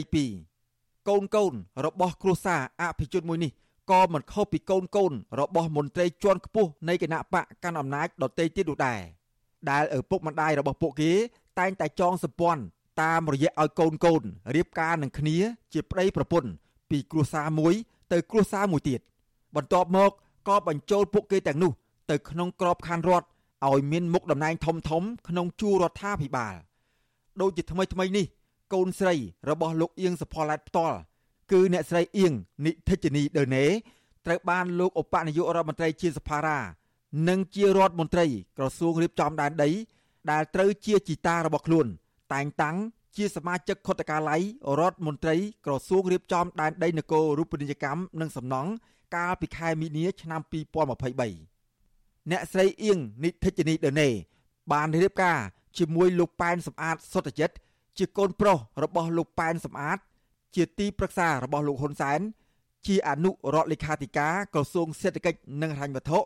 ព្រមទាំងជាអគ្គនាយករងគយនិងរដ្ឋកោកម្ពុជាទៀតផង។ ពិធីមង្គលការរបស់អ្នកទាំងពីរនេះបានធ្វើឲ្យមហាជនភ្ញាក់ផ្អើលអំពីការរៀបចំពិធីដ៏អស្ចារ្យដោយចំណាយលុយអស់ជាច្រើន ដែលប្រហែលអាចចូលដល់លានដុល្លារទៀតផងមហាជនមួយចំនួនក៏ផ្ទុះការរិះគន់ដែរថា ការចំណាយលុយដ៏ច្រើនសន្ធឹកសន្ធាប់បែបនេះដូចជាមិនសមជាមន្ត្រីក្នុងប្រទេសក្រីក្រ ដែលពលរដ្ឋមួយចំនួនធំរកអង្គច្រកឆ្នាំងស្ទើរពំបានគ្រប់ពេលផងនោះតែបែរជាមន្ត្រីទទួលប្រាក់ខែពីពលរដ្ឋ តាមរយៈការបង់ពន្ធនោះសល់លុយចាយមិនអស់យកទៅដាំផ្ការាប់ម៉ឺនដើមសម្រាប់ចែកគ្នាដោយគ្រាន់តែចង់បានមុខមាត់បង្អួតគ្នាឯងមួយពេលក្នុងថ្ងៃមង្គលការកូននោះលោកអៀងសផល្លែតក៏នឹងក្លាយជាដន្លងជាមួយអភិបាលរាជធានីភ្នំពេញលោកខួងស្រេងដែរដោយកូនប្រុសលោកអៀងសផល្លែតបានភ្ជាប់ពាក្យរួចហើយជាមួយនឹងកូនស្រីលោកខួងស្រេងកាលពីពេលថ្មីៗនេះទោះយ៉ាងណា ក្រមសកម្មជន និងបរិស្ថានចង់ឃើញរដ្ឋមន្ត្រីក្រសួងបរិស្ថានថ្មី គឺលោកអៀងសផល្លែតបង្ហាញស្នាដៃថ្មីប្រកបដោយប្រសិទ្ធភាព ក្នុងការលុបបំបាត់អំពើពុករលួយ ក្នុងវិស័យបរិស្ថាន និងព្រៃឈើនេះឲ្យបាន ក្នុងនោះរួមមានបញ្ហាលុបបឹងធម្មជាតិការកាប់បំផ្លាញព្រៃឈើការនាំឈើចេញទៅក្រៅប្រទេសដោយខុសច្បាប់ ការរំលោភយកដែនព្រៃអភិរក្សនិងការកកាយរំលែកភ្នំធម្មជាតិ ពីសំណាក់អ្នកមានលុយនិងមានអំណាចជាដើមនោះលើសពីនេះពួកគេទាមទារឲ្យរដ្ឋមន្ត្រីក្រសួងបរិស្ថានថ្មីរូបនេះឈប់ហាមឃាត់សកម្មជនការពារព្រៃឈើចូលល្បាតព្រៃដើម្បីការពារធនធានធម្មជាតិពួកគេថាបើសិនជាលោកអៀងសផល្លែតអាចដោះស្រាយបញ្ហាអស់ទាំងនេះបាននោះទើបឲ្យពលរដ្ឋមានជំនឿទុកចិត្តនិងអាចលុបស្នាមអាស្រូវជាច្រើន ដែលធ្លាប់កើតមានពីមុនមក នៅក្នុងក្រសួងមួយនេះខ្ញុំបាទសេកបណ្ឌិត វិទ្យុអាស៊ីសេរីពីរដ្ឋធានីវ៉ាស៊ីនតោនលោកនាងកញ្ញាប្រិយមិត្តជាទីមេត្រីចាប់ព័ត៌មានដាច់ដោយឡែកមួយទៀតចាប់ប្រជាពលរដ្ឋដែលមានទម្លាប់ដីធ្លីមួយចំនួនធ្លាក់ខ្លួនកាន់តែក្រីក្រហើយបង្ខំចិត្តឲ្យកូនកូនរបស់ពួកគាត់ឈប់រៀនទាំងនៅវ័យក្មេងដោយសារតែគ្មានប្រាក់ផ្គត់ផ្គង់ជីវភាពគ្រួសារពួកគាត់អះអាងថាបញ្ហានេះក៏ដោយសារតែគ្មានដីចាលោកមានរិទ្ធមានសេចក្តីរាយការណ៍មួយទៀតអំពីរឿងនេះជូនលោកអ្នកនាង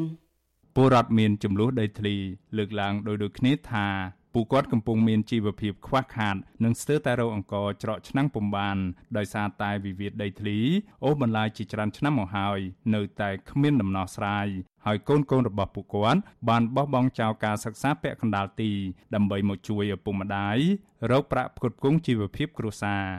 ពលរដ្ឋមានចំនួនដីធ្លីម្នាក់នៅបឹងតមោកលោកស្រីសឿនស្រីសុតប្រាប់វិសុវស៊ីស្រីនៅថ្ងៃទី27ខែសីហាថាសប្តាហ៍នេះលោកស្រីរកព្រឹកខ្វះល្ងាចដោយសារតែបឹងតមោកដែលលោកស្រីធ្លាប់អាស្រ័យផលជាយូរមកហើយនោះបែរក្លាយជាបឹងរីងគោកពុំអាចរកប្រាក់ចំណូលបាន និងប្រឈមទៅនឹងការបណ្តេញចេញទាំងបង្ខំពីសំណាក់អាជ្ញាធរ លោកស្រីបន្តថាគ្រួសារលោកស្រី ដែលធ្លាប់រស់នៅជួបជុំគ្នា បច្ចុប្បន្ននេះត្រូវរស់នៅឃ្លាតឆ្ងាយពីគ្នាដោយសារតែប្តីលោកស្រីត្រូវធ្វើចំណាកស្រុកដើម្បីរកលុយផ្គត់ផ្គង់ជីវភាពគ្រួសារលោកស្រីបញ្ជាក់ថាលោកស្រីមិនហ៊ានធ្វើចំណាកស្រុកតាមប្តីនោះទេ ពីព្រោះខ្លាចវិលត្រឡប់មកវិញដីនឹងផ្ទះសម្បែងត្រូវក្រុមហ៊ុនឯកជនឈូសឆាយយកទៅសាងសង់បរិយាអស់ខ្ញុំទៅគឺអាកម្មករតតែងពីសដីគ្នាដោយសារណាខ្ញុំអត់ទៅតាមគាត់ទៅជួយមើលបាយទឹកគាត់ព្រោះដោយសារខ្ញុំនៅណែខ្ញុំការសិក្សារបស់កូនផងហើយផងបើខ្ញុំទៅនៅស្រុកប្រវាក់ផ្លាស់ឈ្មោះកូនចុះឡើងហើយណាមួយកន្លែងសិក្សាកូនឆ្ងាយនៅចិត្តអញ្ចឹងខ្ញុំតស៊ូទ្រាំពិបាកនៅណែដើម្បីចោលប្តីចោលអីចឹងវាពិបាកថាត់ការយើងវាសោកសៅហើយណាមួយទៅមកទៀតគឺបាត់បង់ចំណូលតែខ្លាំងដើរចោលកន្លែងហ្នឹងខ្លះអាចមានគេលួច លោកស្រីសឿនស្រីសុតបន្ថែមថាក្រៅពីខ្លាចបាត់បង់ដីនិងផ្ទះសម្បែងហើយនោះសុខភាពលោកស្រីក៏ត្រូវប្រឈមនឹងជំងឺប្រចាំកាយផងដែរដោយសារគ្មានអាហារហូបចុកគ្រប់គ្រាន់និងការប៉ះទង្គិចផ្លូវចិត្ត ហើយជារឿយរឿយលោកស្រីតែងតែចូលពេទ្យជាញឹកញាប់ខ្ញុំទៅហូបបិទបៀតខុសឆ្ងាយពីមុនណាព្រោះអីការមុនក្នុងមួយថ្ងៃបងចំណាយទៅក៏50000ដែរអាហ្នឹងសម្រាប់ការមហូបឯណាការសិក្សាកូនផ្សេងសរុបទៅមួយថ្ងៃបងចំណាយអត់100,000ណាអូនតែឥឡូវអត់ទេឥឡូវមួយថ្ងៃយ៉ាងច្រើនណាមហូបអត់ទៅ5000នេះហូបទល់នេះគឺគឺវាស្រាប់ខ្លាំងជាងមុនមែនតែនហ្មងព្រោះដោយសារគេលុកបឹងអញ្ចឹងទៅគឺប៉ះពាល់ជីវភាពអត់បងអត់មានចំណូលរក ស្រដៀងគ្នានេះដែរពលរដ្ឋមានចំនួនដីធ្លីម្នាក់ទៀតនៅខេត្តកោះកុងលោកប៊ុនសរិនថ្លែងថាដីស្រែចម្ការរបស់លោក3ហិកតាត្រូវបានក្រុមហ៊ុនចិន Union Development រំលោភយកទៅធ្វើជាកម្មសិទ្ធិលោកបន្តថាអស់រយៈពេលជាង10ឆ្នាំមកនេះគ្រួសាររបស់លោករស់នៅជួបនឹងទុក្ខលំបាកច្រើនហើយដោយសារតែកត្តាជីវភាពកូនកូនរបស់លោកឈប់រៀនត្រឹមថ្នាក់ទី9 លោកក៏ព្រួយបារម្ភពីអនាគតគ្រួសារដែរព្រោះចាប់តាំងពីបាត់បង់ដីធ្លីសម្រាប់បង្កបង្កើនផលមកលោកបានងាកមកនេសាទនៅតាមឆ្នេរសមុទ្រវិញ ដើម្បីរកប្រាក់ចំណូលក៏ប៉ុន្តែរកត្រីពុំសូវបាននោះទេដោយសារតែអ្នកនេសាទមួយចំនួនអូសអួនប្រើដោយម៉ាស៊ីនយើងបាត់បង់ដីធ្លីក៏បង្កើតផលហើយយើងបាត់បង់នៅមុខរបរដែលយើងធ្លាប់ពីមុនមកយើងរស់នៅ ក្រោមហ្នឹងវាក្រាន់យើងយើងមកលើវាថាវាមានស្រែមានចំការធ្វើយើងអ្នករនេសាទគឺរបានតិចតួចហូបដល់មានស្រែមានស្រូវហូបមិនទៅធូរយើងមកលើនេះអត់រពឹងនេសាទមកមុខហើយគ្រប់គ្នាទាំងអស់គឺពឹងលើនេសាទហ្នឹងគឺមិនគាត់ថាហូបមិនគ្រប់គ្រាន់ទៀត បញ្ហាទំនាស់ដីធ្លីនេះកើតមានស្ទើរតែនៅគ្រប់ខេត្តក្រុងនៅទូទាំងប្រទេសកម្ពុជា ដែលកំពុងតែរងនឹងការរំលោភយកពីសំណាក់ក្រុមហ៊ុនឯកជននិងអ្នកមានលុយមានអំណាចធ្វើឲ្យប៉ះពាល់ដល់ជីវភាពរបស់ពលរដ្ឋក៏ប៉ុន្តែអាជ្ញាធរបែរជាគ្មានដំណោះស្រាយចំពោះបញ្ហាទាំងនេះទៅវិញ ជាងនេះទៅទៀតពលរដ្ឋដែលរងគ្រោះពីការរំលោភដីធ្លីបែរជារងនឹងការធ្វើទុកបុកម្នេញការបង្ក្រាបដោយហិង្សា ការចោទប្រកាន់តាមផ្លូវតុលាការ និងការចាប់តំណាងបុរដ្ឋដាក់ពន្ធនាគារដោយគ្រាន់តែពួកគាត់ឡើងមកដាក់ញត្តិដើម្បីសុំកិច្ចអន្តរាគមន៍ពីនាយករដ្ឋមន្ត្រី Visual C ស្រីមិនអាចតកតងណែនាំពាក្យក្រសួងរៀបចំដែនដីនគររូបនីយកម្មនិងសំណង់លោកសេងលូតនិងអ្នកណែនាំពាក្យរដ្ឋាភិបាលលោកប៉ែនបូណាដើម្បីសុំការបកស្រាយជុំវិញបញ្ហានេះបាននៅឡើយទេនៅថ្ងៃទី27ខែសីហា ជុំវិញរឿងនេះមន្ត្រីសម្របសម្រួលគម្រោងធុរកិច្ចនិងសិទ្ធិមនុស្សរបស់មជ្ឈមណ្ឌលសិទ្ធិមនុស្សកម្ពុជា លោកវ៉ាន់សុផាតមានប្រសាសន៍ថាបញ្ហាទំនាស់ដីធ្លីរ៉ាំរ៉ៃមិនត្រឹមតែប៉ះពាល់ដល់ជីវភាពរបស់ពលរដ្ឋប៉ុណ្ណោះទេក៏ប៉ុន្តែលោកថាគឺជាការរំលោភលើសិទ្ធិកុមារផងដែរនៅពេលដែលកុមារបោះបង់ចោលការសិក្សាដោយសារតែគ្រួសារបាត់បង់មុខរបរ លោកក៏សម្គាល់ថាអាញាធននិងមន្ត្រីពាក់ព័ន្ធមិនសូវគិតគូរពីសុខទុក្ខរបស់ប្រជាពលរដ្ឋដែលរងផលប៉ះពាល់ពីការអភិវឌ្ឍទាំងអស់នេះទេផ្ទុយទៅវិញបែរជាទៅអភិវឌ្ឍលើដីស្រែចម្ការនិងដីលំនៅឋាន ដែលជាជីវិតរបស់ពួកគាត់លោកបារម្ភថាបញ្ហាវិវាទដីធ្លីនេះនឹងធ្វើឲ្យកម្ពុជាបាត់បង់ធនធានមនុស្សហើយពលរដ្ឋដែលពេញកម្លាំងនឹងក្លាយជាកម្មករស៊ីឈ្នួលឲ្យបរទេស កលែងមើលទៅយុទ្ធធម៌សង្គមអយុទ្ធធម៌សង្គមអាហ្នឹងគឺថាវាប៉ះពាល់ហើយអញ្ចឹងមកថារដ្ឋមួយមួយហ្នឹងរដ្ឋបាលវាមានរដ្ឋាភិបាលណាវាមានអញ្ញាញាធរណាវាមានដែងប្រជាពលរដ្ឋពិសេសគឺប្រជាពលរដ្ឋហ្នឹងឯងជាធនធានរបស់រដ្ឋហើយដល់ពេលរដ្ឋមិនបានគិតពីដែងសុខទុក្ខរបស់ប្រជាពលរដ្ឋដែលរងផលប៉ះពាល់ដល់ការអភិវឌ្ឍរដ្ឋក៏ផ្អែកទៅលើតាមមួយផ្នែកទៅរឿងអភិវឌ្ឍអភិវឌ្ឍហ្នឹងហ្នឹងហើយដែលថារដ្ឋគួរតែមានទស្សនៈវែងឆ្ងាយគិតគូរពីការអភិវឌ្ឍ កន្លងទៅក្រមប្រជាពលរដ្ឋដែលរងគ្រោះពីវិវាទដីធ្លីបាននាំគ្នាតវ៉ានិងដើរដាក់ញត្តិរាប់មិនអស់ទាំងនៅថ្នាក់ខេត្តនិងនៅតាមក្រសួងស្ថាប័នថ្នាក់ជាតិនានាដើម្បីស្វែងរកដំណោះស្រាយដីធ្លីរបស់ពួកគាត់ដែលបានអូសបន្លាយអស់រាប់សិបឆ្នាំមកហើយក៏ប៉ុន្តែមិនដែលទទួលបានដំណោះស្រាយឡើយ ផ្ទុយទៅវិញការតវ៉ារបស់ពួកគាត់បានធ្វើឲ្យពួកគាត់កាន់តែធ្លាក់ខ្លួនក្រីក្រអ្នកខ្លះទៀតត្រូវធ្លាក់ខ្លួនឈឺហើយខ្លះទៀតបានភៀសខ្លួនទៅនៅក្រៅប្រទេសដោយសារតែការតាមយាយីពីជនមិនស្គាល់មុខហើយខ្លះទៀតត្រូវបានតឡាការកោះហៅទៅឆ្លើយបំភ្លឺជាច្រើនលើក ជាក់ស្ដែងពលរដ្ឋមានចំនួនដីធ្លីនៅខេត្តកោះកុង9នាក់ត្រូវបានតុលាការនៅខេត្តនេះចាប់ដាក់ពន្ធនាគារទាំងអយុធធរក្រោយពេលពួកគាត់បានប្រើប្រាស់នៅសិទ្ធិទាមទារឲ្យរដ្ឋាភិបាលជួយដោះស្រាយវិវាទដីធ្លីរបស់ពួកគាត់ក្នុងនោះលោកស្រីផៅញើងដែលជាសកម្មជនដីធ្លីដ៏លេចធ្លោម្នាក់កំពុងជាប់ឃុំជាមួយកូនប្រុសដែលមានអាយុទើបតែ1ឆ្នាំ3ខែ នៅមិនទាន់ដាច់ទឹកដោះនៅឡើយនោះ របាយការណ៍របស់សមាគមការពារសិទ្ធិមនុស្សអាត់ហុកផ្សាយកាលពីថ្ងៃទី17ខែឧសភារកឃើញថាពលរដ្ឋរងគ្រោះដីធ្លី នៅតែបន្តកើតមានឡើងឥតឈប់ឈរគឺកើតឡើងចំនួន84ករណីនៅឆ្នាំ2022ក្នុងនោះ50%នៃវិវាទនេះគឺជាការរំលោភដោយបុគ្គលមានលុយមានអំណាច បញ្ហានេះធ្វើឲ្យប៉ះពាល់ដល់ពលរដ្ឋចំនួនជាង7000គ្រួសារស្មើនឹងជាង30000នាក់ដែលមានផ្ទៃដីចំនួនជិត100,000ហិកតាជាង97%នៃវិវាទដីធ្លីទាំងនេះបានអូសបន្លាយរហូតមកដល់ដំណាច់ឆ្នាំ2022 ក្រមពលរដ្ឋរងគ្រោះដីធ្លីនិងមន្ត្រីអង្គការសង្គមស៊ីវិលលើកឡើងថាគ្រួសារម្នាក់ម្នាក់ធ្លាក់ខ្លួនក្រីក្រ កូនកូនបោះបង់ចោលការសិក្សាហើយខ្លះទៀតត្រូវធ្វើចំណាក់ស្រុករកការងារធ្វើដើម្បីសងបំណុលធនាគារដោយសារតែបាត់បង់ដីស្រែចម្ការហើយអាជ្ញាធររដ្ឋាភិបាលក្រោមការដឹកនាំរបស់លោកហ៊ុនសែនមិនបានគិតគូរពីសុខទុក្ខរបស់ពលរដ្ឋនោះទេ ដូច្នេះហើយពួកគាត់សង្ឃឹមថារដ្ឋាភិបាលអាណត្តិថ្មី ដែលដឹកនាំដោយលោកហ៊ុនម៉ាណែតគួរតែគិតគូរពីបញ្ហានេះនិងមិនដើរតាមគន្លងចាស់ដោយឪពុករបស់លោកនោះទេ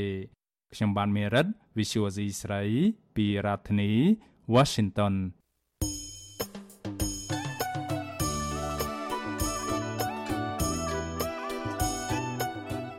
លោកអ្នកនាងជាទីមេត្រីដំណើរគ្នានឹងស្ដាប់ការផ្សាយវិទ្យុអាស៊ីសេរីតាមបណ្ដាញសង្គម Facebook YouTube និង Telegram លោកអ្នកនាងក៏អាចស្ដាប់ការផ្សាយរបស់វិទ្យុអាស៊ីសេរីតាមរយៈរលកធាតុអាកាសខ្លីឬ Shortwave តាមកម្រិតនិងកម្ពស់ដូចតទៅនេះពេលព្រឹកចាប់ពីម៉ោង5កន្លះដល់ម៉ោង6កន្លះតាមរយៈ post SW 12.14 MHz ស្មើនឹងកម្ពស់ 25m និង post SW 13.71 MHz ស្មើនឹងកម្ពស់ 22m ពេលយប់ចាប់ពីម៉ោង7កន្លះដល់ម៉ោង8កន្លះតាមរយៈ post SW 9.33 MHz ស្មើនឹងកម្ពស់ 32m post SW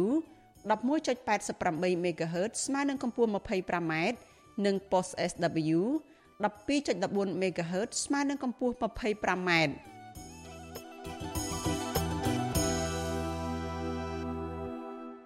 លោកនាងកញ្ញាប្រិយមិត្តជាទីមេត្រីការផ្សាយរយៈពេល1ម៉ោងរបស់វិទ្យុអាស៊ីសេរីជាភាសាខ្មែរនៅព្រឹកនេះចាប់ត្រឹមតែប៉ុណ្ណេះនាងខ្ញុំសុជីវីព្រមទាំងក្រុមការងារទាំងអស់នៃវិទ្យុអាស៊ីសេរីចាសសូមជូនពរដល់លោកនាងកញ្ញានិងក្រុមគ្រួសារទាំងអស់សូមប្រកបតែនឹងសេចក្តីសុខសុភមង្គលនិងសុខភាពល្អកុំបីឃ្លៀងឃ្លាតឡើយចាសនាងខ្ញុំសូមអរគុណនិងសូមជម្រាបលា